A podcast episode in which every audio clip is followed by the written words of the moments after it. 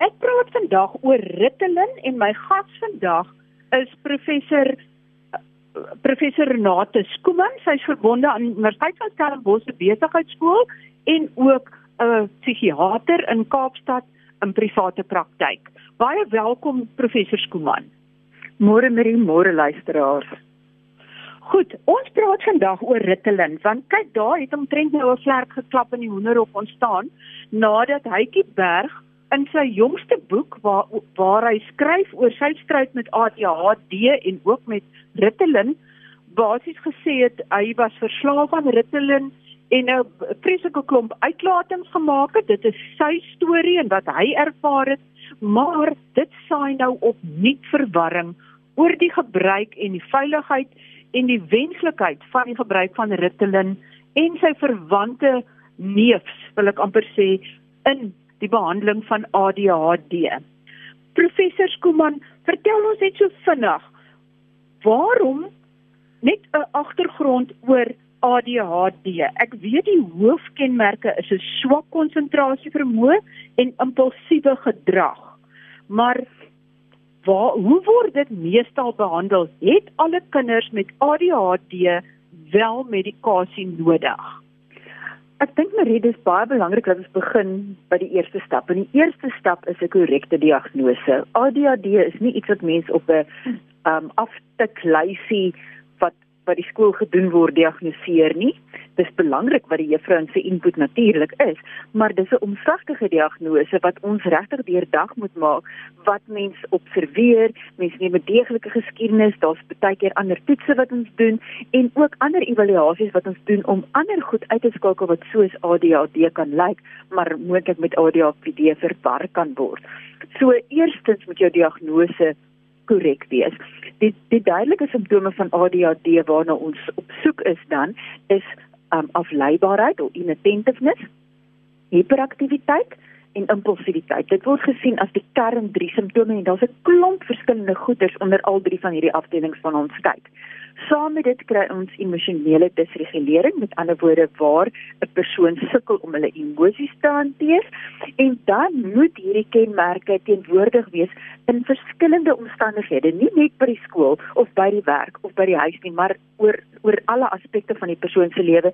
En dit moet, moet ook oor 'n kroniese tydperk in die persoon se lewe daar wees. Dit is nie iets wat net die laaste 3 maande pla nie. Dit is daar letterlik van baie baie kleins af wat mens al die eerste simptome daarvan kan sien as dit dan iemand se funksionering inkort. Met ander woorde, as dit maak dat hulle nie optimaal by die skool kan funksioneer of by die werk kan funksioneer in terme van werk of akademie en in terme van sosiale verhoudinge of dat dit hulle emosionele gesondheid benadeel, dan kyk ons na behandeling. En behandeling sluit in vier dinge. Die een aspek is medikasie. Die een aspek is terapie want ons moet vir mense ook vaardighede aanleer. Die een aspek is natuurlik om stresore te hanteer en die laaste baie belangrike aspek is leefstyl-ingrepe wat mens kyk na byvoorbeeld slaappatrone, gesonde dieetgewoontes en dan ook byvoorbeeld om tegnologie te hanteer. Nou, soos jy kan sien, is daar 'n klomp goed voor ons dan by medikasie, soos byvoorbeeld Ritalin kom. Goed, voordat ons verder gaan, wil ek net nou weer saam met jou een stapie teruggaan en dit is die korrekte diagnose. Ek het verneem dat dit baie keer kinders ritmeling kry omdat die onderwyseres so sê of omdat die uh die ouers so dink of omdat weet sonder dat die kind ooit miskien 'n pediatriese psigiater gesien het of 'n pediatriese neuroloog of 'n selfs het 'n pediater wat belangstel in ADHD. Wie is die regte mense om hierdie diagnose te maak?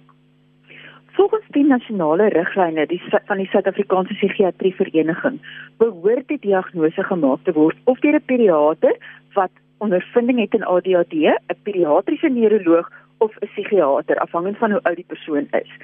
Um dit behoort nie gediagnoseer en behandel te word alvorens daar nie 'n deurdagte diagnose deur een van hierdie spesialiste gemaak is nie. Iemand soos 'n opvoedkundige sielkundige kan wel 'n kind evalueer en sê dit lyk of dit verdag van ADHD en dan verwys na 'n psigiater of 'n pediater toe om die diagnose te bevestig. Maar dit behoort nooit 'n geval te wees dat 'n juffrou sê begin Ritalin en die kind kry die Ritalin by 'n uh, algemene praktisyn of 'n sielkundige doen 'n evaluasie, miskien vir ander redes soos disleksie of so op die kind en dan sê dit nee gaan na die um, algemene praktisyn toe en kry medikasie. Daar's ongelukkig goed wat ons regtig ook moet uitskakel wat mense nie eers met sielkundige toets noodwendig gaan optel nie. Ons moet kyk hierdie kind dalk ook angstigheid, is daar trauma, is daar depressie, is daar ander leerprobleme so en ook selfs goed so sensoriese integrasieprobleme wat mens wil hê die arbeidsterapeut met die kind voor evalueer. Ja, so daar's 'n magtom goed wat uitgeskakel moet word voordat die korrekte diagnose absoluut bevestig kan word. Inderdaad. Goed, dan kom ons by die behandeling en soos jy gesê het medikasie, terapie, die uitskakeling van stresore en leefstyl. Maar kom ons fokus nou vir eers op die medikasie. En dan spesifiek ek weet Ritalin is een van die medikasies, maar vertel ons gou watter tipe medikasies en hoekom die medikasies 'n verskil kan maak. Goed. So in Suid-Afrika het ons twee groepe medikasies vir die behandeling van ADHD. Die een is die metielfenidaat groep waarvan Ritalin 'n voorbeeld is en die ander is Atomoxetine. Ek wil nou nie graag handelsname noem nie, um, maar in die metielfenidaat groep het mens dan kortwerkende medikasies soos byvoorbeeld Ritalin wat 3 tot 5 ure werk mense het die langwerkende Ritalin wat so 6 tot 8 ure werk en dan ons ultra langwerkende medikasies soos Concerta of Neucon of Contramol. Dan in die Atomoxetine groep het ons Strattera of Iner, so vir die mense wat handelsname beter ken. Ek gaan nou die res van die gesprek nie op die handelsname fokus nie. Beide hierdie medikasies, metielfenidaat en Atomoxetine, verhoog die dopamien en noradrenalien in die frontaallobe van die brein, meer so die metielfenidaat, die atomoxetine groep werk nie so seer op die dopamien nie. Maar dopamien en noradrenalien is die twee neurooordragstowwe wat vir ons baie belangrik is in terme van konsentrasie.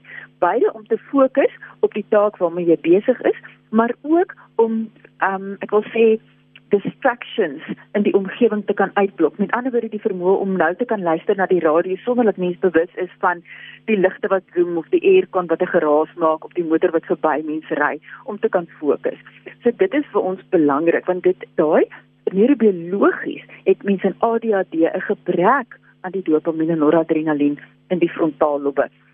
As mens so het, het studies dit het studies dit gewys dat dit inderdaad dat daar 'n gebrek is. Inderdaad, so so ons het dit met diere studies en met mense studies en kinders en volwassenes wys dit ons kan dit ons kan verskillende modaliteite um, van toetse doen om dit te bewys. Daar's daar's neuroimaging of brein beeldingtoetse wat mens kan sien daar is 'n verskil. Dit is nie iets wat ons gebruik om iemand te diagnoseer nie, dit is nou van akademiese belang, maar mense kan dit doen. Daar's ook goed so SPECT en PET scans wat mens kan sien daar is verskillende reseptore en daar's 'n gebrek aan daai oordragstowwe in die frontaalkorteks van die brein.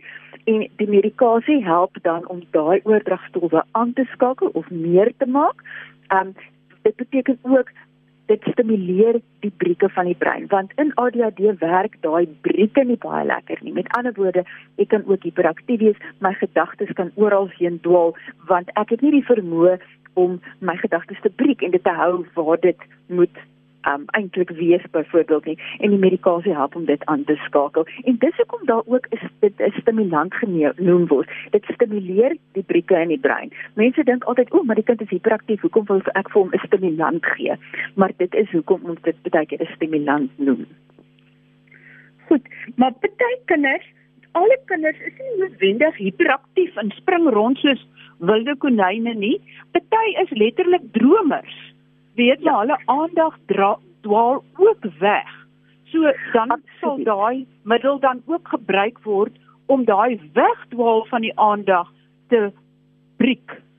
Ja, Absoluut, dit is hoe dit werk en daar is nog steeds verwarring. Mense dink baie keer ADHD is hierdie besige seentjie wat klim en klouter, maar daar is stil dagdrummertjies, seentjies en dogtertjies wat eintlik wegraak in 'n klas want hulle veroorsaak nie eintlik probleme nie, hulle pla niemand nie, maar die gedagtes dwaal so dat hulle sukkel om hulle taakies klaar te kry, raak agter met werk of baie keer ook as mens kyk na die sosiale inkorting wat hulle het, hulle word gespot want hulle mis dinge wat mense vir hulle sê of hulle is agterloosig of hulle verstaan nie die grappies nie want hulle het nie die punchline gehoor nie en so voort.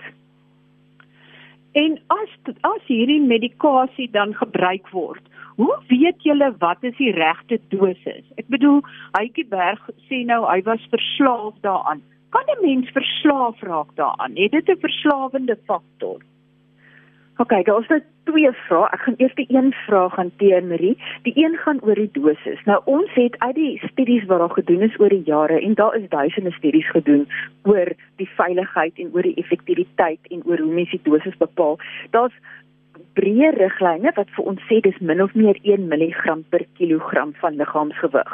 Maar dit is net 'n riglyn. Ons begin altyd eintlik met 'n laer dosis en dan ehm um, werk mens dit geleidelik maak mens die dosis meer en dit gaan dan oor effektiwiteit, met ander woorde hoe goed die medikasie werk en dit gaan oor tolerability. Met ander woorde, is daar enige neeweffekte?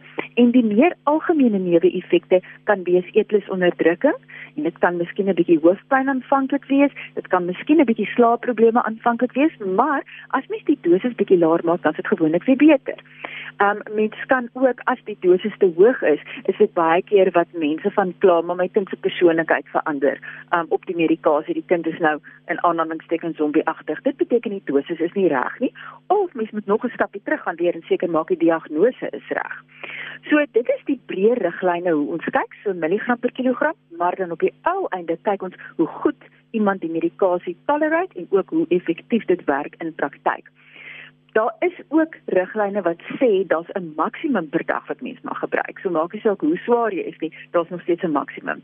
Nou as mens kyk na 'n algemene volwasse persoon, kom ons sê 'n volwasse man van 70 kg, beteken dan hy kan eintlik min of meer um, sy aanbevole daaglikse dosis sal 70 um milligram Ritalin wees, so van die kortwerkende pilletjies sal hy dalk twee keer 'n dag miskien um hy kan twee keer 'n dag dan sewe drink of so, maar as iemand ek weet in in die artikel wat ek gelees het wat hulle wel met die akteur gehad het, het hy tot 40 tablette 'n dag gebruik. Dit beteken dit is meer as 4 keer die maksimum dosis wat iemand per dag mag gebruik en dan soek mens vir moeilikheid. Die tweede dan is dit eintlik nie die pil se skuld nie, maar die persoon wat dit gebruik se skuld. Inderdaad. Want enige want as jy 40 benadous drink, dan gaan jy lewerversaking kry. Ja, absoluut. So as mens die die medikasie gebruik onder toesig van die dokter soos wat dit voorgeskryf het en dis gereelde opvolg, wys die studies dis veilig. Ons gaan mos nie vir 'n kind iets gee wat skadelik is vir 'n kind nie. Die ander ding wat ek wil uitlig is die uitlatings oor Ritalin is verslawend. As ons kyk na wat die studies wys en daar's 'n baie nice studie ook wat hulle gedoen het spesifiek onder seuns wat hulle hulle opgevolg het vir 'n hele klomp jaar seuns met ADHD en sonder ADHD en dan vir hulle behandel het of nie behandel het met Ritalin nie. En wat gewys is, as jy die kinders met ADHD met medikasie behandel, is hulle kans om verslaaf te raak aan substansies eintlik minder. Want onbehandelde ADHD maak dat mense impulsief is, so hulle kan eksperimenteer met substansies of dit kan maak dat jy voel soos 'n mislukking en jy raak met die verkeerde vriendekringe betrokke en jy word dan blootgestel aan die substansie. Maar dit is die gevaar van onbehandelde ADHD. Die studie het duidelik gewys dat as ons dit behandel, is die risiko aansienlik laer. So medikasie beskerm jou teen die afhanklikheid van ander substansies. Tweedens wil ek net noem, as mens substansieafhanklik is, dan gaan jy substansie misbruik. Of dit nou kodeïne is, of dit benzodiazepine is, of dit metielfenidaat is of dit kokaine is of wat jy ook al gebruik, alkohol maak nie saak nie. Dit gaan oor die substansafhanklikheid. En dan het mense wat afhanklik is, het wat hulle noem 'n drug of choice. Die een wat jy dan meer geneig is om te misbruik. Kom ons maak dit eenvoudiger. As ek 8 koppies koffie 'n dag drink, is dit nie noodwendig die koffie se skuld nie. Ja. Ja, en soos ek gesê het, as jy baie panades dink, panades is eintlik baie veilig, maar as jy dit oordoen, kan jy dit kan jou dood veroorsaak as jy te veel ja. daarvan neem op een slag. Inderdaad. Goed, ek wil dan net hoor oor ehm um, Ritalin. Ek kry party kinders uh, wel van my vriendinne se kinders was korrek gediagnoseer en hulle het uh, met Lofinidaal of een van die middels gekry. Die een se seun het absoluut soveel gewig verloor dat hy brandmaar geword het. Die ander een se dogter het gesê daar's 'n donker wolk wat lig. Die ander een se seun wou dit nie drink nie want dit het hom vreemd laat voel. Wat sou dit in al hierdie gevalle wees dat die dosis nie heeltemal reg was nie? Daar's verskillende redes. Kom ons praat oor oor neeweffekte in die algemeen. Aan een van die redes hoekom mense neeweffekte kan kry, kan die dosis wees. Een van die redes kan wat ons noem jou genetika wees. So daar's wat ons noem pharmacogenetics. So ons kan as 'n pasiënt snaaks reageer op 'n medikasie of regtig sagte neeweffekte kry wat ongewoon is, dan kan ons genetiese toetsing doen wat baie keer dan vir ons 'n aanduiding kan wees dat hierdie pasiënt glad nie byvoorbeeld Ritalin moet gebruik of Panado moet gebruik of ehm um, penicillin moet gebruik nie. So mense kan sulke tipe toetse doen en dan kan ons sien dit is iemand wat dalk eerder op 'n ander tipe ADHD medikasie moet wees mens moet ook versigtig wees want daar's baie keer al is mens nie bewus daarvan nie kan daar 'n ander onderliggende probleem wees en dis nou weer hoekom 'n deeglike ondersoek deur 'n psigiatër so belangrik is. So die medikasie kan baie keer maak dat iemand wat reeds onderliggend angs of depressiewe simptome het, se depressie dan meer prominent raak as ons die ADHD begin behandel, want dan sal hulle rustiger en hulle begin meer dink oor die ander simptome of meer dit voel terwyl hulle miskien nog baie prakties was het hulle dit nie gevoel of so bewus daarvan gewees nie.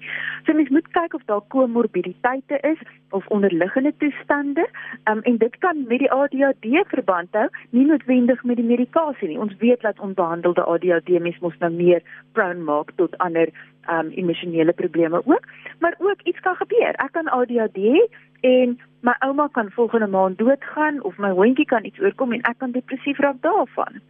So dit is nie noodwendig dan die medikasie of die ADHD nie, maar dosis is belangrik, weer eens genetika is belangrik, ander toestande is belangrik en dan ook baie keer as iemand neeweffekte het op 'n een metielfenidaatproduk, help dit baie keer net om na 'n ander produk te verander. Met ander woorde, een persoon gaan dalk baie goed doen op Ritalin en 'n ander een gaan baie goed doen op Nucon of Concerta. En dit hang van persoon tot persoon af en dis ook baie belangrik dat behandeling altyd geïndividualiseer moet word. Daar's nie een resepie wat mens vir alle pasiënte gebruik nie. Met ander woorde, hoe kies jy aan die begin of die een langwerkend of kortwerkende medikasie moet kry? Wat is julle kriteria om dit te kies of begin julle altyd met Ritalin en vorder dan na die ander as dit nie akkodeer nie? Marie, dit is weer, ek dink dit is 'n bietjie the art of psychiatry as well. Um die die aktiewe bestanddeel die metals van die daad bly dieselfde. Maar hoe jonger 'n kind is, is ek geneig om eerder te gaan vir 'n kortwerkende medikasie, veral in die baie jonger kinders. Jy weet as hulle 4, 5, 6, 7 is, dan verkies ek kortwerkend omdat dit wel die eetlus kan onderdruk. En jy wil seker maak die kind eet ontbyt, neem medikasie en dan is hulle eetlus nou nou weer terug. So hulle sal 'n broodjie pouse eet en dan kan hulle dan liewer dan weer tweede medikasie kry. En en dan is hulle teen middagete weer honger. As dit mens dalk nou 'n lang werkende produk begin en hulle eetes is onder druk. Verder is hulle skooldag mos nou nog korter en daar is nie noodwendig huiswerk en al die dinge nie. Um soos wat iemand ouer raak en die die demands raak meer, so skool hou langer aan, daar's huiswerk. Ek het oor naweek 'n ander verpligting gaan mens liewers na langwerkende medikasie kyk en ook in volwassenes wat dit net praktischer is om een keer 'n dag medikasie te gebruik as meer as een keer 'n dag. So mens kyk baie keer na die individuele pasiënt hulle daaglikse um, benodighede op 'n weekdag en op 'n naweeksdag alhoewel ons voel mens moet medikasie elke dag gebruik. Mens kan die dosis dalk verander oor naweke en of in die week. Um, en dan kyk mens ook na die praktiese praktiese um, aspekte daarvan. Is dit moontlik om medikasie meer as een keer te gebruik? Is daar toesig vir kinders daarvoor? Of in volwassenes gaan hulle onthou om dit meer as een keer te gebruik? So weer eens daar is nie een antwoord daarop nie. Ek glo mens moet absoluut dit van persoon tot persoon hanteer. Ontgroei 'n kind ADHD of moet hierdie medikasie voortgesit word as hy 'n volwassene is? Marie, die studies wys dat ongeveer 60% van kinders met ADHD het steeds ADHD in volwassenheid. So daar's 40% wat dit ontgroei. En dit het te doen met die brein se ontwikkeling. Ons brein ontwikkel nog tot op so 23 tot 25 jaar. En omdat dit 'n ontwikkelingssteuring is, is daar nog ontwikkeling en mens kan in 'n mate dit inhaal. So ons kyk wel op sekere tye van 'n kind se lewe het hulle dit ontgroei in aanhalingstekens van daai 60% wat nog steeds ADHD in volwassenheid het, het almal van hulle nie noodwendig medikasie nodig nie. Want soos mens ouer raak kom dit baie keer voor of die simptome ligter raak maar dit het te doen ook met ek leer um vaardighede aan deur my lewe. Ek leer byvoorbeeld om lysies te maak ek leer om georganiseerd te wees ek oefen meer ek leef gesonder en ek kan 'n beroep kies wat pas by my ADHD. Um ek hoef nie noodwendig meer net in die klaskamer te wees en vakke te neem wat ek dalk nie in belang stel nie. So jy kyk dan eintlik na die terapie, die vermindering van die stresore, die organisering van jou lewe en met ander woorde leefstyl aanpassings. Ja, maar en, en maar daar is pasiënte wat dit langtermyn medikasie moet gebruik en een van my oudste pasiënte is nou amper 70 wat steeds um, op medikasie is. En professor Skuman, as jy 'n finale boodskap moet gee oor Ritalin of metilfenidate en die ander uh, medikasie wat beskikbaar is in Suid-Afrika vir ADHD behandeling, wat sou daai boodskap wees? Is dit veilig? Moet mense dit vermy? Is dit wenslik? Wat wat is die slotsom? As jy ADHD het en medikasie onder toesig van 'n psigiater of pediater met omsigtigheid gebruik, kan dit jou lewe absoluut ten goeie verander en kan mens so 'n vrugtevolle lewe lei waar kinders en volwassenes optimaal volgens hulle vermoëns kan funksioneer. Maar dit moet met omsigtigheid wees. As mens dit misbruik of die medikasie mis, gebruik vir redes ander dan ADHD, dan is daar potensiële probleme wat kan ontstaan. Professor Skuman, dan net ook nog 'n vraag. Jy het aan die begin gesê daar's twee tipes medikasie in Suid-Afrika beskikbaar. Asof daar dalk in ander lande ander medikasie ook beskikbaar is. Is daar medikasie wat nie in Suid-Afrika beskikbaar is nie wat jy graag hier sal wil sien? Ja, daar is onder andere die een wat nou al 'n paar jaar terug wat ons noem gefaal is by SAPRA by die mediese raad. Um dit is lisdexamfetamien en ons het al gedink dit is nou sal al lankal op die mark wees, maar daar is nou een of ander oponthou by die mediese raad wat maar net op agterstallige papier werk. Lyk like my is wat ons bietjie knielter daar, maar dit behoort binnekort ook in die land beskikbaar te wees en dan natuurlik is ons altyd hoopvol dat daar goedkoper alternatiewe met ander woorde goeie klone en goeie generiese medikasie vir die die medikasies ook beskikbaar sal raak om dit meer toeganklik vir die breër bevolking te maak baie baie dankie professor Skuman. My gas vandag was professor Renata Skuman. Sy's 'n Kaapstadse psigiater, maar sy's ook betrokke by die Stellenbosch se besigheidskool, Universiteit van Stellenbosch se besigheidskool. Baie dankie professor. My plesier, Marie. Goed, dit was dan gesondheid op RC vir vandag. Volgende week gesels ek met professor Vernon Lou, kliniese hematologie by die by die Universiteit van Kaapstad en ons gesels dan oor beenmurgoorplantings. Tot volgende week dan. Groete van my, Marie Hudson.